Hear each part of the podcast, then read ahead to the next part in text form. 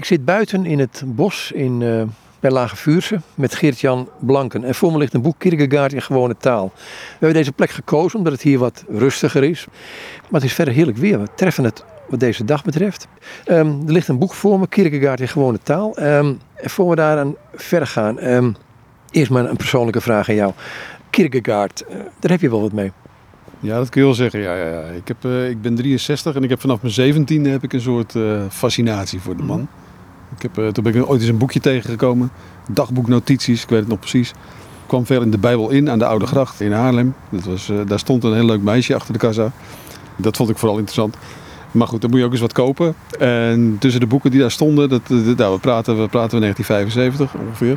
Daar stonden nogal wat uh, schreeuwerige Amerikaanse titels.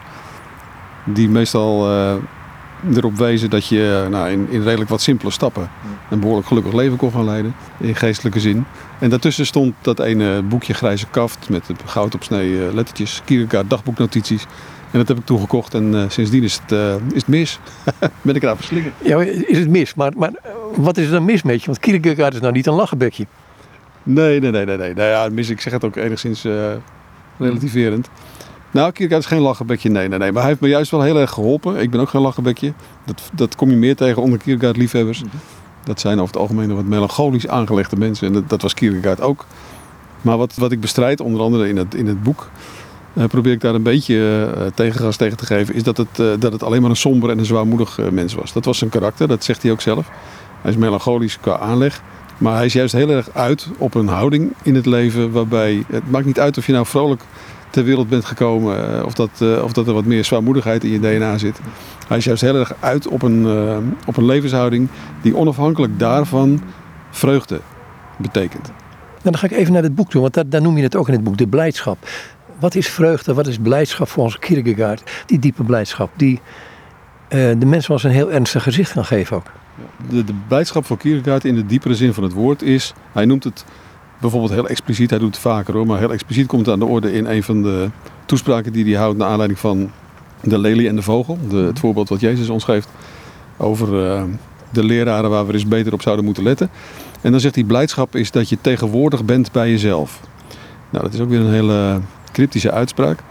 Maar wat hij, wat hij daarmee uh, bedoelt, of waar hij opmerkzaam op wil maken, dat is dat we natuurlijk heel vaak met onze gedachten bezig zijn om ons zorgen te maken over het volgende moment. Ik zit hier mede buiten omdat ik me zorgen maak over dat, uh, dat virusding. Nou, dat kan, je, dat kan mijn gedachten op dit moment ook heel erg bezighouden. Ik denk, dan zit ik hier wel goed, dan gaat het hier wel goed. En dan ben ik niet bij mezelf, zegt hij. Een keer Guardiaanse term. Hè. Dan, dan ben ik met mijn gedachten bezig om me zorgen te maken over iets wat zich nog helemaal niet uh, afspeelt, maar wat zich mogelijkerwijs zou kunnen gaan afspelen. Maar ik kan me ook onderdompelen in mijn gevoel. Ik kan me helemaal laten meenemen door mijn gevoel. Ook dan ben ik niet bij mezelf. Dat, want dat gevoel dat, dat laat me of een beetje verdoofd. Als het positief gevoel is, dan kan het je wat verdoven. In de zin van, ja, duik lekker onder in het genieten van het, van het ogenblik. En als het een negatief gevoel is, ja, dan levert het je vaak ook weer angst op en bezorgdheid. Dus hij probeert heel erg een houding te beschrijven waarin je ja, jezelf wordt, noemt hij dat dan. Je bent namelijk nooit jezelf. Dat, dat is altijd iets wat aan de gang is. Dat, dat, dat, je komt nooit op een plek aan waar, waar je op kan gaan staan en kan gaan zeggen, nou, nu ben ik mezelf. Het is iets wat aan de gang is en waar je zelf voortdurend ten diepste niks aan kan doen. Dat is ook een soort paradox die wel grappig... Oh, nou, grappig is een goede woord niet, maar het is een paradox bij Kierkegaard. Uh, je kunt daar ten diepste niks aan doen. Maar je kunt wel uh, de belemmeringen wegnemen waardoor je jezelf voortdurend erbij vandaan houdt. Dus je kunt ophouden met je te vergelijken met anderen, zegt hij. Je kunt ophouden met je bezorgd te maken over de volgende dag. Je kunt ophouden met uh, je angst weg te drukken. Uh, door ja, op een gezonde manier naar jezelf te gaan kijken. Door, en dan op die manier jezelf te worden. En tegenwoordig te worden bij jezelf. En op die manier, zegt hij, er zul je iets ervaren van een blijdschap die veel meer is dan vrolijkheid. Die ernstig is, maar ernstig ja, op een manier waarbij je jezelf uh, ook eindeloos kunt relativeren. Nou hoor ik daar een aantal rare dingen langskomen. Je moet in harmonie met jezelf zijn, dicht bij jezelf zijn. Um, en dan moet je zelf moet je iets gaan doen om dat te bereiken. Dat zelf, wat is dat? Ja, daar begint het probleem. Hè? Of dat, is, dat is ook iets wat hij, waar, hij, waar hij regelmatig over uitweidt wij zijn geneigd om te denken misschien wel op dat dat, dat dat zelf, ons ik, dat dat iets is. Hè? Dus dat het ja, iets is wat je op een gegeven moment kunt ontdekken. Zo praten mensen er ook wel over, die, die erover piekeren en die, en die ernaar zoeken. Uh, je kunt het idee krijgen dat het iets is wat zich in je gevoel misschien moet bevinden. Of uh, in ieder geval iets wat je kunt ontdekken waar je op een gegeven moment achter kan komen. Uh, het kan beetpakken of erop kan gaan staan. En denken, nou nu, nu heb ik het. Maar Kierkegaard zegt, in de ziekte tot de dood doet hij dat. Dat is een vrij beroemd boek van hem waarin hij dat zelf heel erg uit elkaar peutert. En probeert te ontdekken, hoewel het ten diepste mysterie blijft hoor. Dus dat uit elkaar peuteren is alleen maar een manier om nog meer ontzag eigenlijk te krijgen. En je verwonderd te raken over hoe, we in elkaar zitten. Maar hij zegt het zelf is niet zozeer een, een ding, is niet zozeer een, maar is een verhouding die je tot jezelf aanneemt. Dus mijn, mijzelf is samengesteld uit allemaal dingen die ik helemaal niet bedacht heb. En die ik helemaal niet in eigen hand gehad heb. Ik, ik, heb een bepaalde aanleg, ik heb uh, een bepaalde erfelijkheid meegekregen. Ik heb een geschiedenis, ik ben op een bepaalde manier opgevoed. Allemaal zaken die ik helemaal niet in de hand heb. Ik heb een aantal beslissingen gemaakt, dus dingen die je wat meer in de hand hebt zou je kunnen zeggen. Waardoor ik ook geworden ben uh, wie ik ben. Maar ik word op dit moment geconfronteerd met het hele pakket. Ik ben 63, ik zie er op een bepaalde manier uit. Ik voel me op een bepaalde manier. Uh, denk misschien op een bepaalde manier. En dat is een gegeven zou je kunnen zeggen. Maar waar het een om draait, zeg Kierkegaard, is niet zozeer dat gegeven. Maar hoe je daarmee omgaat. Of je het ook echt ziet als iets wat aan jou gegeven is. Dus een geschenk waar je mag van genieten, wat je moet accepteren. Met alles wat het geweest en geworden is. En uh, wat je moet accepteren als een, als een, ja, een cadeau wat je krijgt. En wat iedere dag weer uh, uitgepakt mag worden. Dus het zelf, dat was je vraag. Hè? Ik moet, moet uitkijken dat ik daar niet te veel vandaan bij raak natuurlijk. Het zelf is een verhouding tot jezelf. Waarbij je jezelf ziet. Niet zozeer als een soort centrum, een ik. Wat zichzelf ontwerpt, maakt. Een project is wat van alles moet worden en mooie doelstellingen moet bedenken. En, uh, nee, je bent, je bent die verhouding. En, die en de opdracht of de, de uitdaging van het leven, nou, opdracht zegt hij ook zelfs wel, is om op een gezonde manier met jezelf uh, om te gaan en van jezelf te gaan houden. Ook dat is niet onbelangrijk. God liefhebben boven alles. Je naaste als jezelf, daar zit het in, hè? Dat, die zelfomarming, die zelfacceptatie. En op die manier uh, ga je ontdekken, niet zozeer wie je bent, want dat blijft ook voor jezelf een mysterie. Maar op die manier ga je genieten van wie je bent. Dan zitten wij op dit moment hier in, in Lage Vuurs, in een bos, in een maatschappij waarin het woordje zelfrealisatie hoog in het vaandel staat. Ja, precies. En, en op hele verschillende manieren wordt ingevuld. En bij Kierkegaard zou je dus inderdaad ook kunnen denken, nou, het gaat over zelfwording, daar gaan we weer, hè, navelstaarderij. Het, is weer, uh, het gaat weer over onze zelfontplooiing of over zelfrealisatie. En bij hem is het, het uh, dat geeft hij ook meteen aan in, in allerlei toespraken en andere boeken.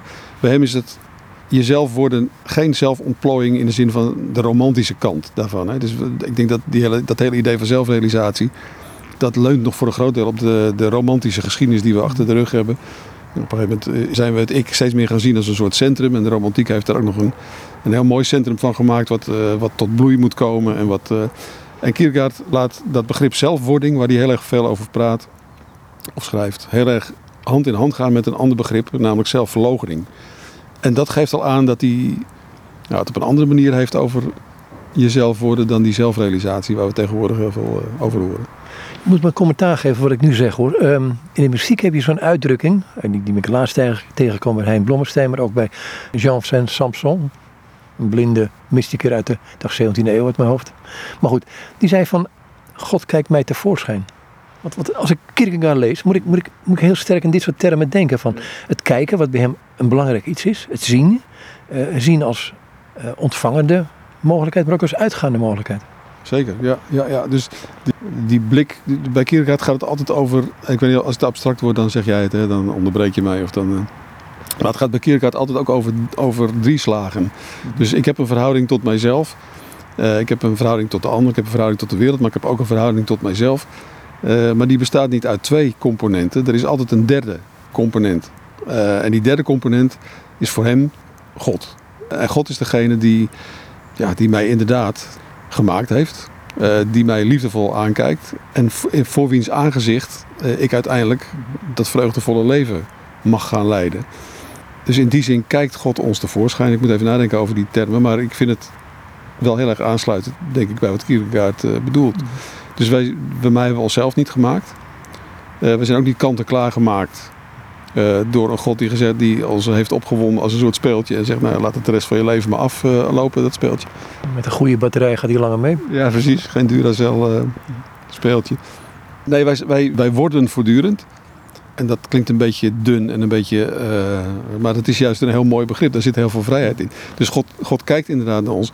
En in de ziekte tot de dood, weer dat boek, zegt Kierkegaard op een gegeven moment ook dat, dat het eigenlijk een, ook een hele beangstigende gedachte kan zijn. Hè? God die. Uh, maar wat, wat, nou, wat nou net zijn, een van zijn thema's is, is om ons duidelijk te maken of om, om opmerkzaam te maken op het feit dat we te maken hebben met een God die uh, almachtig is en die ons tegelijkertijd tegenover zichzelf heeft geschapen en kan dulden. Dus er is een God die zich zo uh, heeft weten te beperken, zegt hij zelfs. God beperkt zich ten gunste van ons om ons de ruimte te geven om voor zijn aangezicht tot iemand te worden.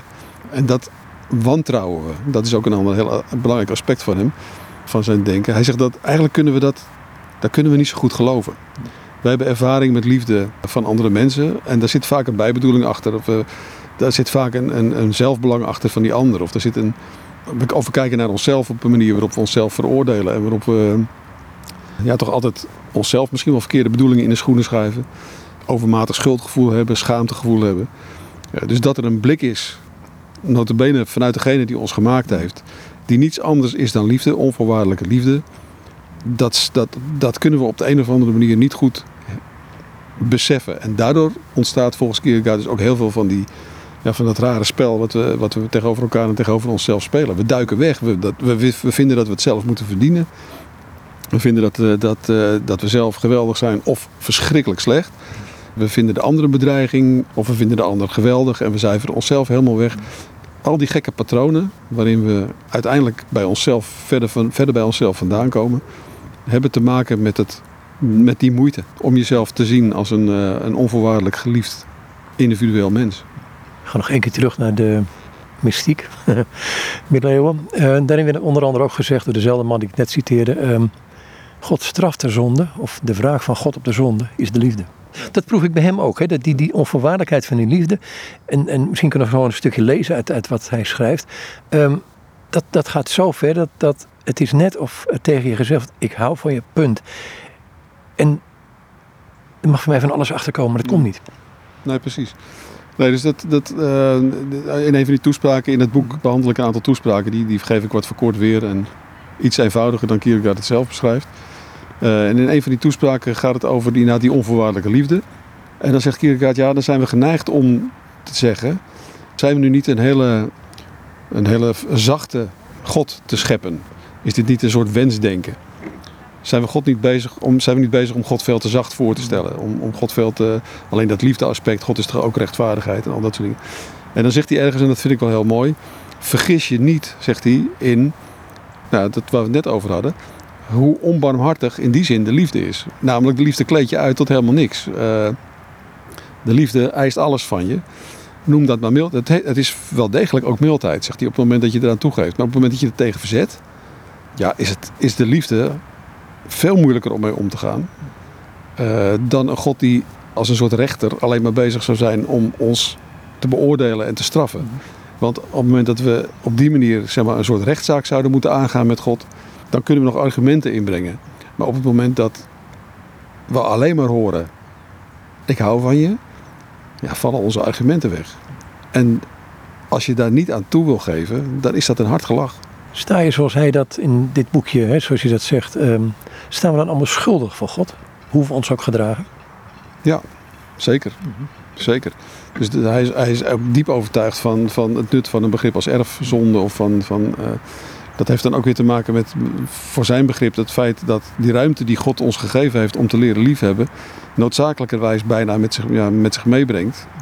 Ja, noodzakelijkerwijs, ik weet niet of dat een goed begrip is, maar het is in ieder geval een feit dat we stuk voor stuk voor de bijl gaan. Dus dat we stuk voor stuk toch beginnen met het idee dat we, zelf, uh, dat we het zelf moeten doen. En daarmee zijn we schuldig. En hij zegt ook weer, dat is ook weer zo'n omdraaiing van hem. Het, het, het, het vreugdevolle van de gedachte dat we wat we voor God altijd schuldig lijden heet, een van die toespraken. Dus juist omdat je tegenover de bron staat van alles en tegenover de onvoorwaardelijke liefde staat, is het geen, is het geen negatief, negatieve conclusie dat je schuldig bent. Maar is dat alleen maar een, een bevrijdende erkenning van het feit dat je het zelf niet hoeft te doen? Kun je het verder uitwerken, die bevrijding? Ja, nou, ja, eh, ja, misschien wel. Dus op het moment dat je beseft dat je. Nou, hij zegt dat in die termen altijd wel letterlijk. Dat, dat klinkt ons een beetje onaangenaam in de oren natuurlijk. Maar omdat je tot niets in staat bent. Mhm. En dat het, toch, dat het toch de bedoeling is dat je. Dus je bent niet niets in de sommige Oosterse manieren van denken. Is dat niets ook een soort letterlijk. Bijna niets. Hè? Dus dat je als persoon ook. eh, nou, je bent wel degelijk als individueel persoon bedoeld en geliefd. Maar je bent niet in staat om het zelf voor elkaar te krijgen. En dat is een, eh, in, in zijn allereerste boek eh, wat hij eh, publiceert, een dik boek of of. Dat eindigt met, met ook een soort preek. Waarin hij ook weer beschrijft hoe bevrijdend het is dat we voor God altijd ongelijk hebben. Nou, dat is ook weer zo'n titel. denk je, eh, ik wil, dat is, en dan, dat, dat werkt hij prachtig uit. Hij zegt op het moment dat jij we genieten vaak van het feit dat we gelijk hebben. Maar hij zegt, stel nou eens dat je, dat je ontzettend veel van een ander houdt. En dat je het idee hebt dat een ander iets verkeerd heeft gedaan. En je komt tot de conclusie dat het niet zo is. Die persoon waarvan jij houdt, die blijkt gelijk te hebben.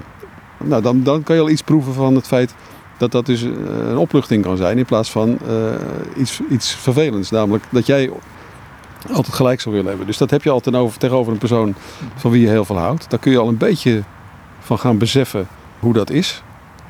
Maar tegenover God, zegt hij, is dat uiteindelijk een hele opluchtende gedachte. Dus het feit dat er een plek is, dat er, dat er een ruimte is, dat er een blik is, ja, die ons duidelijk maakt dat we volkomen afhankelijk zijn, maar dat het goed is, dat het mag, dat het prima is, dat het, dat het, en dat we daarmee dus ook moeten erkennen dat we het zelf niet kunnen. Sterker nog, dat we dat wel gedacht hebben, dus ook schuldig zijn daaraan, is niets anders dan een bevrijdende gedachte. Is niets, en dus uiteindelijk zijn we weer bij die blijdschap. Als je dat tot je laat doordringen, is dat ook een immense opluchting. Is het er zo dat in die, die overgave, hè, proef ik hierin, ehm, of het laten gebeuren aan je van die liefde, eh, ligt daar ook je bevrijding in tegelijkertijd? Want een aantal dingen die je nu zegt klinken als van, nou, je bent eigenlijk een willoos instrument als je afhankelijk bent. Maar zo is het. Is het zo? Ja, nee, niet willoos. Ik denk dat, dat Kierkegaard heel veel nadruk legt op de wil, op het besluit. Dus je, misschien is dat ergens in die contraien zit, zit, je zou kunnen zeggen, ook misschien wel het enige wat we kunnen doen. De overgave heeft toch iets te maken met, met je wil in stelling brengen. Maar overgave is niet een soort, iets wat je met, met een soort wilsspierkracht eh, tot stand brengt. Het is veel meer, het, het, eh, meegaandheid noemt hij het ergens. Het is veel meer het heeft veel meer te maken met, met het, het vinden van een. En je, nou, je zou dus kunnen zeggen, daar heeft je wil iets mee te maken. Dus die wordt je niet helemaal uit handen geslagen. Eh, er wordt een beroep gedaan op je wil, maar niet op wilskracht, maar op. eh, ja. En dat is, dat is natuurlijk ook iets wat we in het gewone leven wel een beetje kennen. Eh, ook weer in de relatie tussen twee mensen. Dus op het moment dat jij je aan een ander overlevert, of, voor- het is niet gezond om dat overigens 100% aan een ander mens te doen. Zegt Kierkegaard ook, hè, want altijd die godsrelatie is daar ook fundamenteel in als derde. Als afspiegeling zie je in, in onze liefdesrelaties natuurlijk ook dat we daarin besluiten nemen, voor elkaar kiezen. En tegelijkertijd, zodra je dat doet, ook het onmiddellijk het gevoel hebt van dat het niet zozeer een prestatie van jezelf is, maar dat het een geschenk is. Dus ik kies ervoor om met iemand het leven te delen en eh, daar door dik en dun en, en voor en tegenspoed mee op te trekken. Maar er is niemand die dat in de praktijk doet, die dat zal beschrijven als een soort prestatie van zijn kant. Althans, die zijn er misschien wel, maar dan heb je het volgens Kierkegaard nog niet echt helemaal begrepen. Dus dat is ten, tegenover God eh, in extremo zo. Het is niet onze prestatie, maar het is wel iets waarin, ja, waar we met onze wil, daar ligt wel iets voor ons te doen. Dan noemde je net het, het, het begrip anders. Hè? God de andere. ehm, ik ga even mijn eigen gedachten door de gehele andere. Eh, daar staan we tegenover. Ehm, je hebt het over niets, heb je het net gehad. Ehm, toch in onze relatie met God, ook in het hiernamaals ga ik vanuit. Eh, blijf jij, Geert-Jan en ik, blijf je op. Op de een of andere wonderlijke, rare wijze. Dus we, gaan niet helemaal op in een, in een zee van, van als een druppel in een oceaan. Dat, dat, dat gekke dingen. Ehm, tegelijkertijd is die, dat andersheid, hè, dat mag je becommentariëren het feit dat God geheel ander is ten opzichte van ons, is dat niet een wezenlijke basis voor een goede gemeenschap? Ja, een mooie uitspraak van Kierkegaard vind ik ook eh, in, in Wat de Liefde doet. eh ander boek van hem. Eh, daarin zegt hij, eh, voor liefde is een relatie nodig en is, is er altijd een ik en een jij nodig. Dus Dus liefde is niet die, die eindeloos vormeloze uh, oceaan waarin je helemaal verdwijnt. Uh, als het liefde is, dan is er iets van een relatie. Dus hij zegt mijn en dijn, laten we, daar, laten we, laten we die maar schrappen. Maar ik en jij zijn nodig om ja, op een inhoudelijke manier of een, een waardevolle, substantiële manier over liefde te kunnen spreken. En dus, daar laat hij zich overigens weinig over uit, hè, over dat hij na ons maakt, daar gelooft hij ook in. En dus ja, ligt het voor de hand dat je, dat, dat je daar ook daarover. En hij, hij zegt juist, denk er nou niet te veel over na. Het gaat gewoon om, om hoe je hier en nu leeft. Maar het is wel degelijk zo dat hij. Dat hij uh, Martin Boeber heeft hem ook goed gelezen. En ik denk dat een deel van de inspiratie voor ik en gij uh, ook wel degelijk uh, uit die hoek van Kierkegaard vandaan komt. Dus dat, dat er altijd sprake is van, een, ja, van twee personen, van twee unieke zelven die zich tot elkaar verhouden. En dus, en dus voor echte liefde is het ook nodig dat je jezelf bent. Dat zegt hij ook ergens heel mooi. Iemand tot de conclusie is gekomen in de relatie dat hij het geheim van echte liefde is uh, dat je om te beginnen jezelf bent. Dus dat je, dat je uh, en, en dus in je verhouding, die fundamentele verhouding met God, ook een juiste positie hebt ingenomen. Dat is ook de manier waarop je voorkomt dat je in een, in een intermenselijke relatie veel te veel gaat verwachten van elkaar. Of jezelf helemaal gaat ondergeschikt maken of bovengeschikt maken aan iemand. Maar ja, we zijn als mensen heel slecht in het, in het vormgeven van gelijkwaardige relaties. Dat, daar zit heel veel verstorende elementen vaak in. Maar als er iets belangrijk is om in die richting te komen, dan is het wel dat je ja, grond hebt in iets anders dan alleen maar die relatie. Uh, namelijk die, die relatie met God. En dat is ook de manier, zegt hij weer eh, op een andere plek, dat is ook de manier waarop echte gemeenschappen ontstaan. Hè? Dus het feit dat we tegenwoordig in een samenleving uh, ronddarren waarin het ja, je merkt het nu rond die coronamaatregelen natuurlijk ook weer op een andere manier heel sterk. Waarin je het gevoel hebt, het is, voor het weet, het lijkt heel wat, maar voor je het weet is het los zand, stuift uit elkaar als, als, als, als het niks is. Dat is niet zozeer het gevolg van een overdreven individualisme, zou ik eerlijk zeggen. Maar het is het, het is het gevolg van het feit dat mensen te weinig individu zijn. Dus dat we aan alle kanten onszelf afhankelijk maken van anderen, maar het tegelijkertijd niet doorhebben of niet willen geloven. Uh, en dus ook voor je het weet als een groot, het grootste vijanden tegenover elkaar gaan staan. Als je grond hebt in jezelf, dan heb je niet de behoefte om uh, die ander ver van je af te stoten. Maar dan kun je juist lief hebben zonder dat je op een ongezonde manier afhankelijk maakt van een ander. Je hebt het over individualiteit en gemeenschap. Um, ik kom er nog een ander woord en dat komt in jouw boek ook naar voren toe. Ik denk dat Dostoevsky en Karamazov, uh, een van die kerels dat zegt, een van die stadissen. Um, als hem de vraag gesteld wordt van wat moet ik doen om het eeuwige leven te beërven? Of wat moet ik, hoe kan ik een goed leven leiden? En dan zegt die status alleen maar, oh, dat weet je wel. Maar lieg niet meer tegen jezelf. En daar heb je het ook in het boek over. Hè? Die, die, die voortdurende drang in onszelf om tegen onszelf te liegen. Ja, ja we vertellen heel veel verhalen tegen onszelf. Hè? Dus, uh, ons denken, wat Kierkegaard ook heel waardevol vindt, maar ook relativeert. Uh, dat denken, dat, dat, dat is iets. Hij is natuurlijk een ongelofelijke denker. En hij, hij is dus ook voortdurend bezig om zichzelf erin te bekritiseren, denk ik dat denken dat is, dat is een prachtig mechaniek wat we niet moeten afschaffen, maar waar, waar we de grenzen van moeten beseffen. Maar dat denken leidt ook tot, nou, nogmaals, we, we, we komen eh, in een bepaalde context ter wereld. We krijgen verhalen aangereikt van onze ouders over onszelf. We krijgen bepaalde idealen. We hebben een bepaald beeld van onszelf. We vertellen onszelf een verhaal over onszelf, tegen onszelf.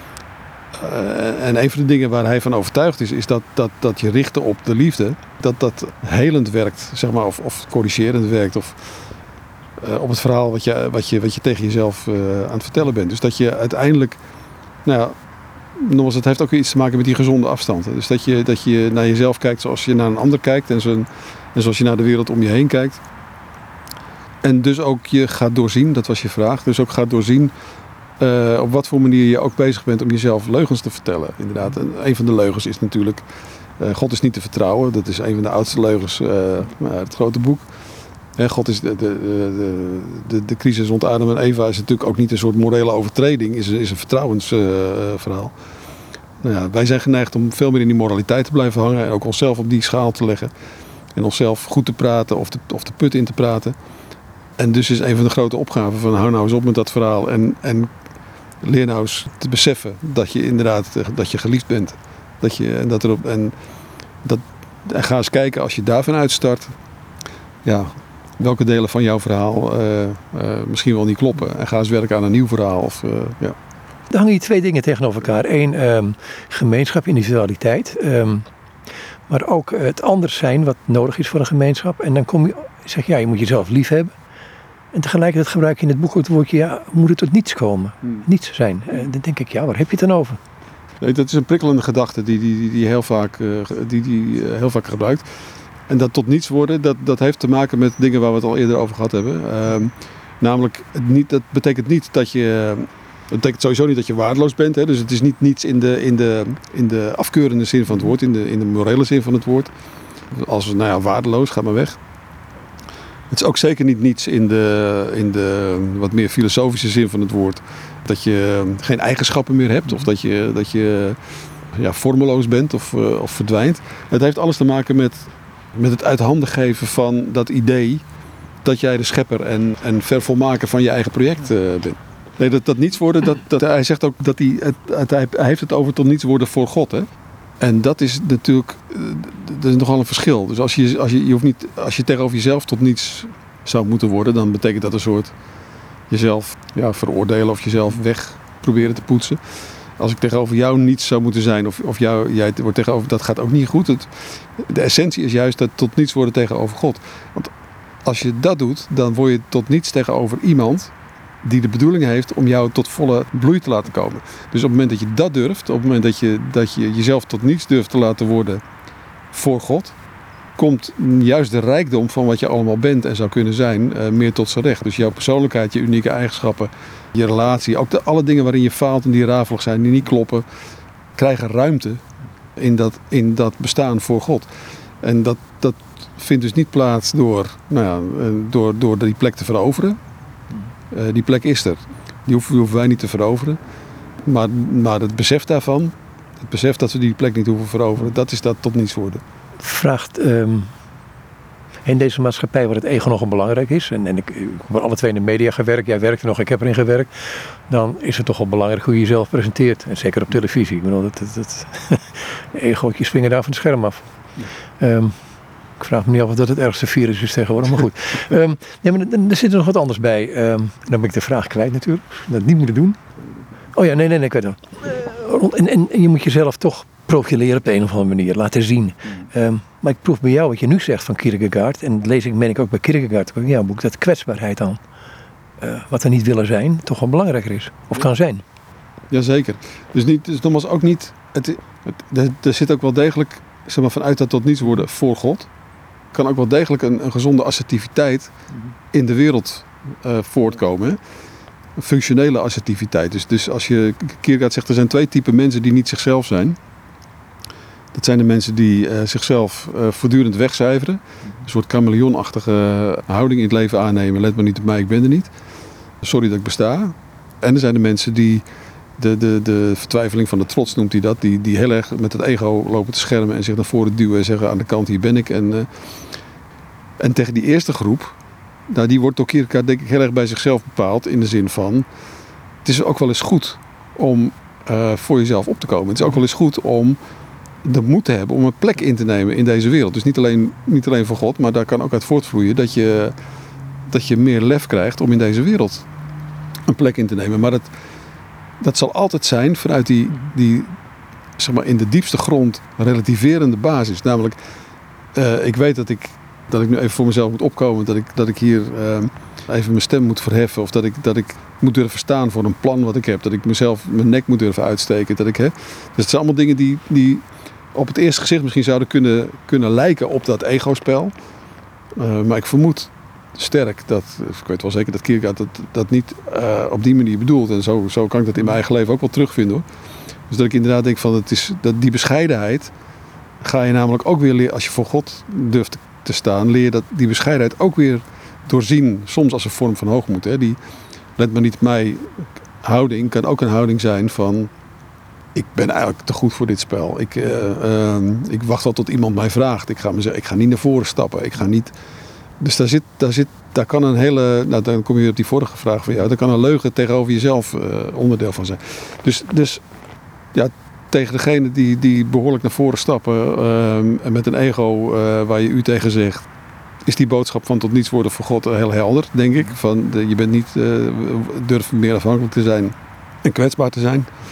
En aan de andere kant van het spectrum is het, is het ook interessant, nou interessant is een te klein woord, is het ook heel uitdagend om je af te vragen van ja, maar ik ben dus wel, de, talent, de gelijkenis van de talenten schiet mij dan vaak te binnen. Dus ik ben, het is wel de bedoeling dat ik hier iets doe. Hè? Het is wel de bedoeling dat ik hier, maar dan niet vanuit de kramp van ik moet mijn project waarmaken, maar vanuit de ontspanning en ook wel vanuit de verantwoordelijkheid. Van ik ben hier in de wereld gezet om, om verschil te maken. Dat vind ik zo'n vreselijke term die, omdat die zo vaak gebruikt wordt. Maar nou, daar zit toch iets in om het verschil te maken. Ja. Ik ga nog één keer op de liefde door. Um, hij zit in de liefde, zegt hij. Op een gegeven moment is hij heel kras. Zegt hij van oké, je kunt er eindeloos over kletsen. Maar je moet het gewoon doen. Ja, liefde is een handeling. Liefde is, liefde is handelen. Dus wat de liefde doet, heet een van die boeken dan ook.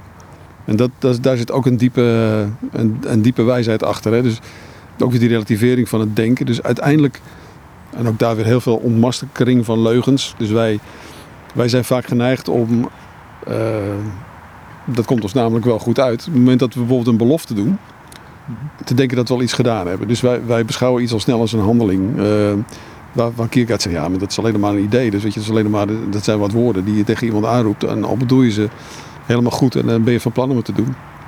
Uiteindelijk is liefde handelen. En dat tegenwoordig zijn bij jezelf, dat, dat, dat jezelf worden, heeft ook altijd het karakter van, ja, van een daad. Dus het is niet. Het is uiteindelijk is het, die, heeft die overgave het karakter van een daad, van de wereld instappen. En van uh, je overgeven aan de kleine dingen van de dag. En je overgeven aan de, de taak die op dat moment voor je ligt. Voor sommige mensen kan het een heel groot ding zijn, maar voor heel veel mensen is dat ook gewoon het gedoetje van de dag. Ja, stap daarin. Uh, vanuit dat tot die opluchtende gedachte dat je het niet uiteindelijk hoeft waar te maken. Dat je het ook mag, dat je ook fouten mag maken, dat er genade is. Het, het grote verschil voor Kierkegaard tussen het, het heidendom, zoals hij dat noemt, en het, het Griekse denken en het christendom. Er is genade. Dus in Christus is ons duidelijk geworden dat het goed is zoals het is. En als we, als we dat blijven beseffen, dan is er altijd weer een nieuw begin. Ja, nou dat. En toen zweeg hij. Hey, ik had een leraar vroeger in, in, in Wales over die kleine dingen. Die zei onder andere dit. Hij zegt, um, je kunt allerlei grootste dingen van God verzinnen. Hè? Je gaat naar een kerkdienst, een bisschop, je spreekt voor duizend mensen. Hij zegt maar, als je een eitje bakt, is Jezus ook je leven. Ja, nou dat is, dat is heel mooi, uh, kort uitgedrukt. Wat ik denk ik net bedoel. Dus het is, het is uh, ja, dat, dat, uh, dat kom je natuurlijk ook bij heel veel, heel veel wijze mensen tegen aanbidding is niet op, alleen maar op je knieën liggen en uh, aan God denken of proberen iets van God te ervaren. Aanbidden kan ook zijn dat je, dat je de vloer veegt of dat je, of dat je een eitje bakt. En bij jezelf tegenwoordig bent in die handeling. Uh, ja. Hij heeft het ook over in, in het boek. Ja, ik ga naar jouw boek toe. Hij heeft het over Jezus volgen. En daar is hij nogal. Ik denk als je dat in een gemiddelde evangelische gemeente naar voren brengt, een protestantse gemeente, misschien ook een katholieke gemeente, dat het nogal dwars klinkt allemaal. Hoe legt hij dit uit? Want hij heeft er een aparte kijk op. Ja, nou, voor hem is navolging heel belangrijk. Bonheuven, die hem ook heel goed gelezen heeft, kon daar ook wel eens, denk ik, een belangrijk deel van zijn inspiratie vandaan hebben gehaald. Jezus navolgen uh, uh, ja, is uh, bij hem ook wel, dat, hoe zeg je dat kort? Het is, het is ehm, ook daar zoekt hij weer heel erg de, de, de, het vermijden van de, van de valse tegenstellingen. Dus hij werkt heel erg met, veel met tegenstellingen, maar komt ook heel vaak uit bij het uithouden in het midden. En je zou kunnen zeggen, ook de manier waarop er naar Jezus gekeken wordt, gaat, die stuift natuurlijk vaak uiteen in mensen die zeggen, nou kijk, dat, zo moet je dat doen. Dus, dus uh, de, de, wat, de wat uh, horizontale manier van benaderen. En ga nou maar, als je zo handelt, dat uh, we, gaan we naar Jezus nadoen. Uh, en de, en de, de, hij noemt het dan het verschil tussen Jezus als verlosser en Jezus als, als voorbeeld. Ja, dus de, eerste is dat wat ik net noemde, Jezus als voorbeeld zien. En daartegenover heb je de, de neiging om Jezus heel erg uh, vanuit zijn goddelijke kant te belichten. En, en te zeggen, hij is onze verlosser en die moeten we aanbidden.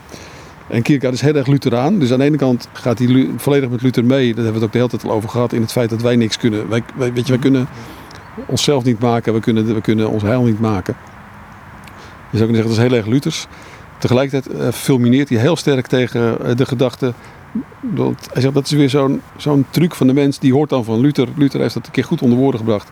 Van jongens, we hoeven het zelf niet te verdienen. En dan denk ik, oh mooi. Nou, dan hoeven we dus, hoeven dus mooi niks te doen. Uh, dus, en dat zit dus ook weer in hoe die over navolging praat. We moeten wel degelijk wat, we moeten wel degelijk wat doen. Sterker nog, het gaat om handelen, het gaat om doen. Alleen niet vanuit het idee dat daar de grond voor, ons, voor onze rechtvaardiging ligt.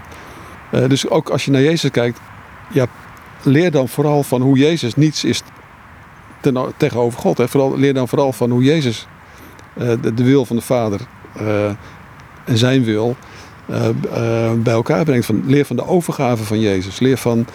Ehm, dus dus ehm, zie het niet primair. dus de, de, mensen die de tien geboden wat te wettisch vinden, hebben nog wel eens de neiging als je in bepaalde kringen komt om dan de bergreden weer naar voren te zetten.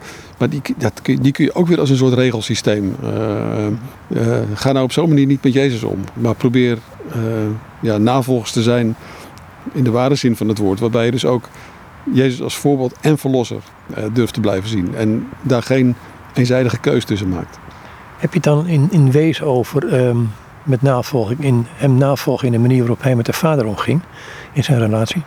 Ja, ik, ik zou wel durven zeggen dat dat centraal is. Mm -hmm. Ja, dus dat, dat nogmaals, vanuit dat thema belicht hè, van uh, dat tot niets worden voor God. Zo heb ik dat ook in het boek. Dat navolging is natuurlijk een heel breed begrip. Maar ik heb daar iets over in het boek in de uitleiding geprobeerd te zeggen. En waarbij ik ook inderdaad probeer in te zoomen op van wat kun je dan van Jezus leren als het gaat over dat tot niets worden voor God. En dat is natuurlijk iets wat Jezus voortdurend naar voren brengt. Dus dat, één worden met de Vader. En ja, en niet, en niet het, uh, het, geven van gedragsregels. Uh, en ook niet het, het, het uh, stimuleren van bepaalde specifieke religieuze praktijken. Maar het, het, het, het, ja, die houding. Die, weer die houding ten opzichte van jezelf en ten opzichte van God. Ja. Je introduceert op een gegeven moment in jouw nabeschouwing over Kierkegaard ook het begrip dichtertje. Kun je het uitleggen? Ja, de dichter, daar is hij heel erg kritisch op.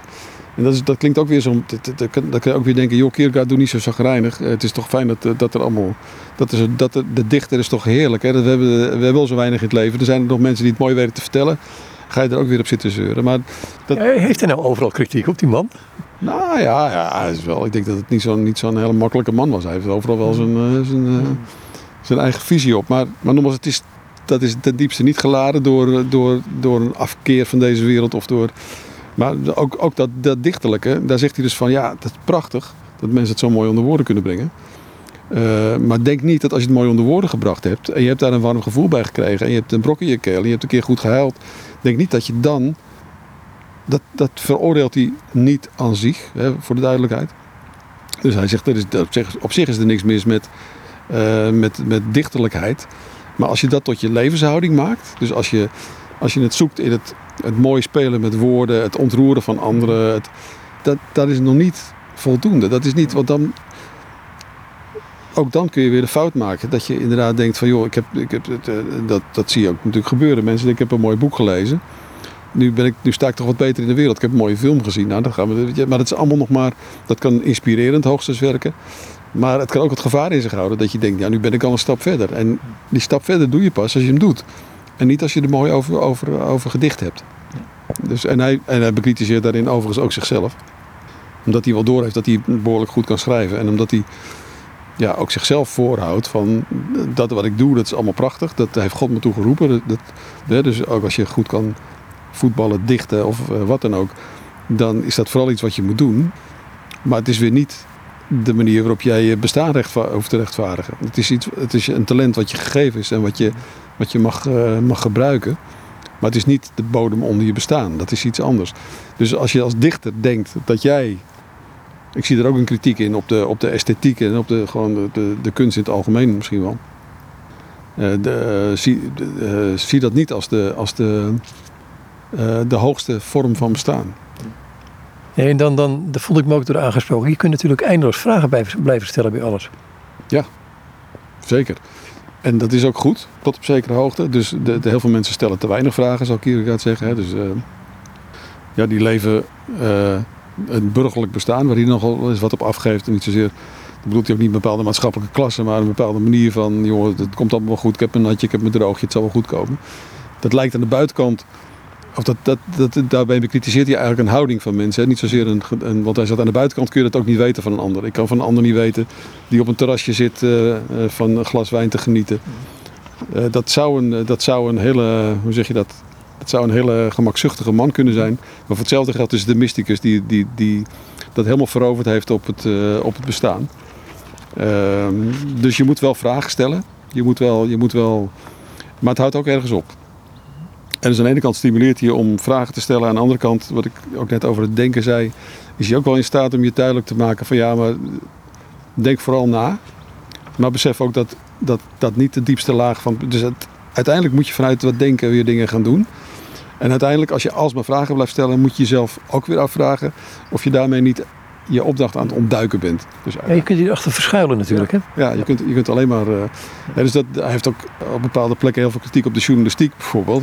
Het schiet me nu even te binnen als. Maar de journalistieke houdingen. Dus dat je de, uh, journalistieke vragen stelt, prima. Maar als je, uh, er zijn mensen die dat tot een soort levenshouding hebben gemaakt. In die zin dat ze alleen nog maar zichzelf zien als degene die kritische vragen bij alles stelt. Maar waar sta je dan zelf voor? Wat, wat, is, dan de, wat is dan de keuze die jij maakt in je leven? Nou, dat journalisme noem ik het wel eens. Dat vind je natuurlijk soms letterlijk bij journalisten, maar dat vind je ook wel eens bij, uh, bij andere mensen. Uh, ja, dus dat, dat niet tot handelen komen omdat je, omdat je denkt, ja, ik, stel, ik moet eerst nog dit weten, ik moet eerst nog dat weten, ik stel eerst nog maar eens wat kritische vragen. Het kan ook gewoon luiheid zijn natuurlijk. Zeker, zeker. Zeker, en dat is ook geen, geen fraaie eigenschap. Dus uh, rustig, ook altijd weer de andere kant. Hè?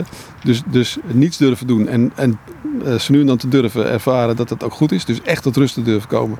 Zonder een project onderhandeld te hebben. En, maar gewoon proberen te ervaren verveling. Uh, verveling te durven ervaren. En, en, en te beseffen dat, uh, ja, dat daaronder ook dat het goed is. Dat je er gewoon mag zijn. Ook weer zo'n cliché. maar wel heel waardevol. dus dat je er gewoon mag zijn. Zonder dat je je bestaan voortdurend hoeft te verdienen. Dat is op zich prima. Dus, dus, uh, maar luiheid als een soort eh, wegkruipen voor, nee, dat is natuurlijk een ander verhaal. Een ander ding, ik ga weer terug naar de liefdewezen en, en er staat zo'n hoofdstuk in. Um, gaan we terug naar het boek hoor.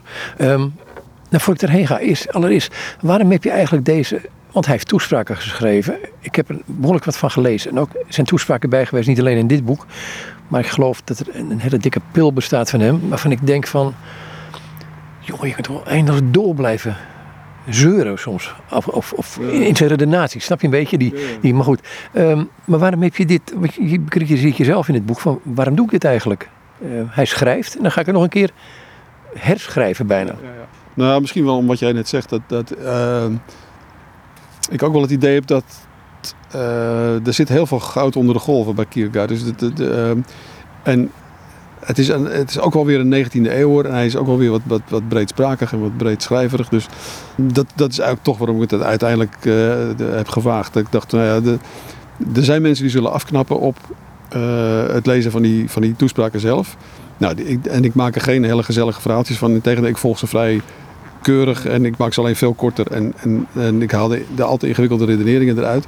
Maar ik hoop dat, dat dat een grotere groep mensen laat denken van... nou ja, de, die kern, daar zit toch wel heel veel waardevols. Uh, dus vandaar dat ik dit, die stap toch maak. Uh, en het net even iets uh, eenvoudiger onder woorden heb geprobeerd te brengen. Het is niet zo dat Kierkegaard zou zeggen, wij zijn onze hersenen. Nee, nee, nee, nee, nee, nee. nee. nee, nee, nee. Helemaal niet. Nee, nee, nee. Nee, nee, dus dat, dat, dat, dat, uh, dat, dat, dat de mens geest is. En dat, maar dat, dat, dat er wel degelijk. En hij, nou ja, dat hij zelf. Maar nogmaals, daar bekritiseert hij zichzelf ook wel weer in. Dat hij, dat hij zelf ook wel wat doordraaft in. Uh, uh, in en, en, het is ook de 19e eeuw. Hè? Dus dat is ook een reden waarom ik toch denk: van nou, het is misschien nuttig dat het boek er ligt zoals het er nu ligt.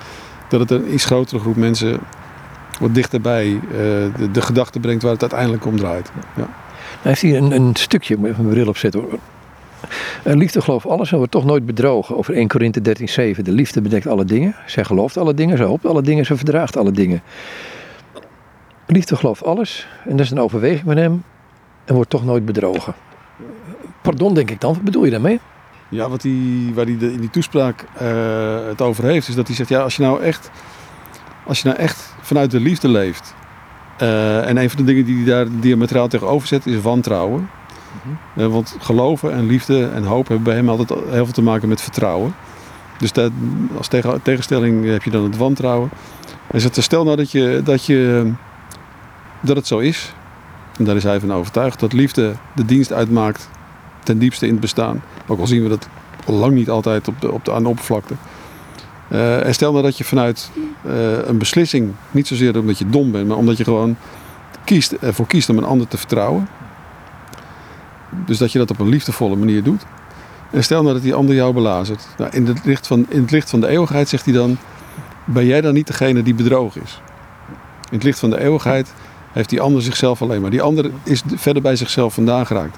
Die heeft iets gedaan waar die ofwel misschien al snel of al wat later, uh, die heeft zichzelf schade. Uh, als, als, jij, als, als ik een ander moedwillig bedrieg, uh, dan richt ik ook schade aan ergens in mijn eigen ziel. Dat, dat, dat, daar is hij van overtuigd, dat kan niet anders. Dan, dan, doe ik iets, dan doe ik iets wat niet goed voor me is.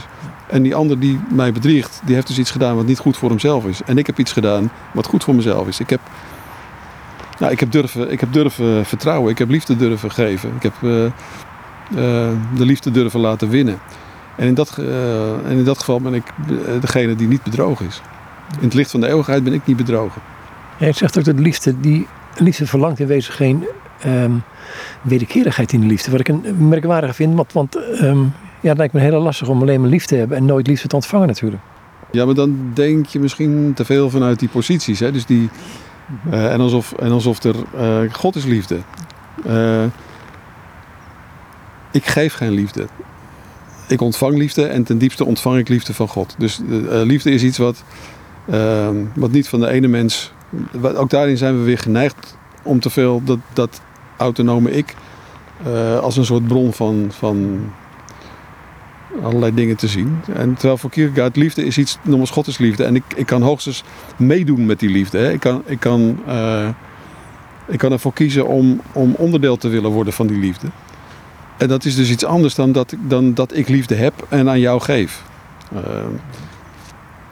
ik geef ruimte aan liefde. Ik, ik laat ja, liefde door me heen stromen, klinkt er weer een beetje, maar goed, dat is zoiets. En op, dat, het moment dat ik dat, ik dat uh, zie als de manier waarop liefde in deze werkelijkheid aanwezig is, ben ik dus ook niet geneigd om uh, te denken in termen van geven en nemen. Dus, dus de, nogmaals, de enige van wie wij alles ontvangen is God. Maar ik, ik sta niet ten opzichte van een ander in de verhouding van geven en nemen. Ja, dat, in de praktijk is dat natuurlijk, doen we dat altijd wel. En zelfs met liefde doen we dat. Maar dat is nou net wat hij bekritiseert. Dus als het, zodra het er werkelijk om, om dat soort liefde gaat, is die economische terminologie niet meer afdoende. Dus dat, dat is, dat is, dan hebben we het niet over liefde. Raak hier ook niet een essentie van wie God is? God is liefde, hij geeft geen liefde, maar hij is liefde. Dat is natuurlijk vrij onbegrijpelijk voor ons als geschapen wezens. Ja, dus ja. ja ik denk dat daar, dat, daar stuit je op de grens. Ja, dus wij, wij, we kunnen ons nog wel iets voorstellen bij God die liefde geeft. En dat wij ontvangen. Uh, maar God in zichzelf, God als liefde, ja, dan, dan moet je mysticus aan het woord laten. Dat ben ik ook niet. Nee. Ik ook niet. Maar goed, hey, um, er staat een ander stuk in. Um, misschien moet het daar wel eindigen uiteindelijk. Hij zegt op een gegeven moment um, over de opstanding van, over de Hemelvaartdag. Hè. Dan leest hij het hele stuk. Uh, heb je dan opgenomen met handelingen. en dan zegt hij op een gegeven moment, Christus is de weg. Dat zegt hij zelf. En daarom moet het de waarheid wel zijn. Nou, zo simpel. ja, omdat Christus het zelf zegt, moet het de waarheid wel zijn. Ja. En vervolgens zegt hij ook, als had hij, had hij, had hij het niet zo gezegd, dan hadden we het aan zijn handelen kunnen, kunnen afleiden. Dus dat is ook iets wat hij, nou ja, dat is weer dat verschil tussen, we kunnen, je kan van alles praten, je kan van alles, maar ook als je, we het net over navolging. Als je het over Christus hebt, gaat het uiteindelijk over, wat heeft hij zijn handelen. Dus het is natuurlijk heel opmerkelijk dat we de verhalen over hem ook niet van hemzelf hebben. Die zijn door anderen opgeschreven. Wat, en die, die hebben het over wat hij heeft gedaan en gezegd. Dus ja, Christus, uh, ja, daar, slaat dat citaat uh, heel sterk op. Ja, dus, dus, en, en hij geeft andere voorbeelden van leraren van de mensheid. Hè. Job is ook een hele belangrijke, zegt hij. Bij Job gaat het ook weer om wat Job uiteindelijk doet. en hij zegt uiteindelijk die vogel en die lelie, waar ik het eerder over had uit de verhalen van Jezus, zijn ook weer uh, leraren voor de mensheid. Om, doordat we kijken wat ze doen. Hè. Doordat we kijken wat ze, hoe ze het doen. We zitten hier in de natuur. Ik heb al van mooie vogeltjes uh, nu en dan voorbij zien uh, vliegen en op een takje zitten. Dus de, door, hoe zij in de wereld staan, kunnen we iets te weten komen van waar het uiteindelijk om draait in het leven. En niet door, niet door alle verhalen die daar. En Jezus is wel een van degenen, omdat ja, zijn handelen en zijn woorden zo samenvallen. dat hij. En dat zegt Kierkegaard van zichzelf dus niet. Hij, zegt, ik ben, hij zegt voortdurend van zichzelf: ik, ben, ik heb geen gezag. Ik probeer je een beetje opmerkzaam te maken op iets. Als we al, ik begrijp ook, merk ook als ik er zo over zit te praten, dat het altijd heel sterk overkomt alsof Kierkegaard uh, van zichzelf vindt dat hij het ei van Columbus wel heeft. En terwijl hij tegelijkertijd, en dat meent hij volgens mij oprecht, ook telkens zegt van nou, ik heb wel door waar het ergens zit, maar ja, ik heb het zelf ook niet. En ik probeer je alleen maar opmerkzaam te maken op het feit dat het ergens in die hoek zit en ga het alsjeblieft zelf doen. Ja, hij is gefascineerd door Jezus, mag ik wel zeggen. Absoluut, absoluut. Ja, ja, ja. Ja, hoewel hij het dus niet, uh, hij heeft ook, als je het geheel van zijn werk bekijkt, heeft hij daar niet voortdurend over. Het is geen dogmaticus, hè, Kierkegaard? Nee, helemaal niet. Dus hij probeert Jezus ook helemaal niet. Dat is misschien ook wel een van de redenen waarom hij het er niet zoveel over, over, over heeft in die zin. Nou ja, gaat het nergens in het systeem uh, gieten. En ook, hij gaat Jezus ook niet duiden uh, op die manier. Nee, vandaar dat hij ook, ook blijft in termen van na, dat hij het over, ja, met name navolging zo'n belangrijk begrip vindt. Ja. Ja, Begin had je het over dat dagboekje wat je vond uh, in die boekenwinkeltje, waar ook een heel aardig meisje staat, wat volgens mij nu al vrouw is, maar goed. en alles van die, van die secundaire redenen waarom mensen een boeken kopen. Maar goed, Kierkegaard in ieder geval. Als je naar terugkijkt, hè, over die, al die tijd die je met Kierkegaard bezig was, dat is een tijd, dat is een dikke 40 jaar al. Meer dan 40 jaar. Wat zijn dan de, de hoofdzaken eruit nu? Ik heb het niet over 40 jaar geleden, maar wat komt er steeds helderder eruit bij hem? Mm, ik denk dat ik. Uh, ja, dat, dat is toch. Dat, dat is heel kernachtig. Zou het inderdaad neerkomen op het feit dat die. Wat ik, het net, wat ik net zo prachtig beschrijf. Dat ik, dat ik de, steeds meer bij mezelf ontdek hoe lastig ik het vind om, om vanuit die onvoorwaardelijke liefde te bestaan. Dus. dus uh, en hoe, ja, hoe ik ontdek hoe vaak ik mezelf toch niet naar beneden trap. En hoe vaak ik niet toch veel te veel afhankelijk word van verhalen van anderen. Of een soort verkapte hoogmoed laat zien uh, door. En dan op het moment dat je dat doorkrijgt, kan het ook weer een, een, een, een nieuwe golf van kritiek op jezelf opleveren. Dus ik kom er wel steeds meer achter dat al die golven van, uh, van kritiek uh, uiteindelijk teruggaan op die onvoorwaardelijke liefde. En dat, dus dat, om met mildheid dus aan de ene kant met de strengheid van de liefde, hè, want we hebben het eerder over gehad. Liefde is, liefde, de blik van de liefde dringt veel verder door dan de blik van, uh, van, de, van de rechter. Uh, dus aan de ene kant is daar, zit daar een strenge kant aan. Aan de andere kant is dat ja, uiteindelijk de mildheid die, uh, die overwint. Het is goed. Het is gewoon goed dat ik er ben. Het is goed dat het leven er is. Het is, het is goed zoals het is. niet om het zo te laten, maar om vanuit de ontspanning van dat accepteren verder te gaan. Ja. Een prachtige tekst, denk ik, uit 1 Johannes, dacht ik, uh, hoofdstuk 3 uit mijn hoofd. Ik dacht nog in de 1953 vertaling, dus vergeef me voor alle mensen die een andere vertaling hebben. Um, als we hem zien, uh, als we hem zien zoals hij is, zullen we hem gelijk zijn. Dus daar zit, daar zit toch een, een, het leven in, als ik het zo mag zeggen. Ja, ja ik vind het altijd, dan moet ik altijd wel verkouden, hè, dat soort... Uh, zeker, nee, maar ja, ja, dus het heet, dat, daar zit dat, die blik zit, het, het, het blik karakter zit daarin. Hè? Dus als we... Ja, maar ook de blik op een ander gericht houden, ja. niet op jezelf. Waardoor je, ja, doordat je in hem kijkt, word je jezelf. De, die, die, die tegenstrijdigheid die er voortdurend in lijkt te zitten. Ja, ja precies. Ja, ja, ja. hij heeft ook ergens, ergens een, mooi, een mooi beeld van. Hij, hij vindt de Bijbel sowieso ook een spiegel hè, waarin we onszelf moeten bekijken.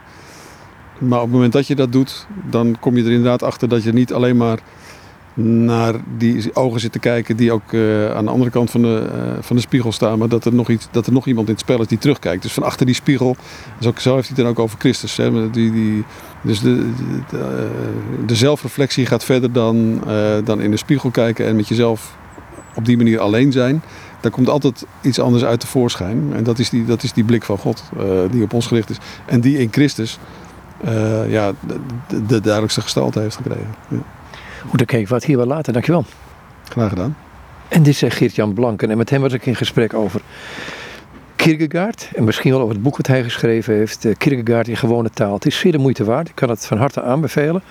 Het boek is trouwens uitgegeven bij Kok Boekencentrum Uitgevers in Utrecht. Uh, het is een boek de moeite waard van het lezen. En niet alleen van het lezen, ook het mediteren. Dus je leest een hoofdstukje, je bent weer een paar dagen onder de pannen. De ondertitel van het boek is Toespraak over geloof, liefde, bezorgdheid, lijden, huwelijk en sterven. Goed, zoals ik al zei, tot zover dit gesprek met Geert-Jan Blanken.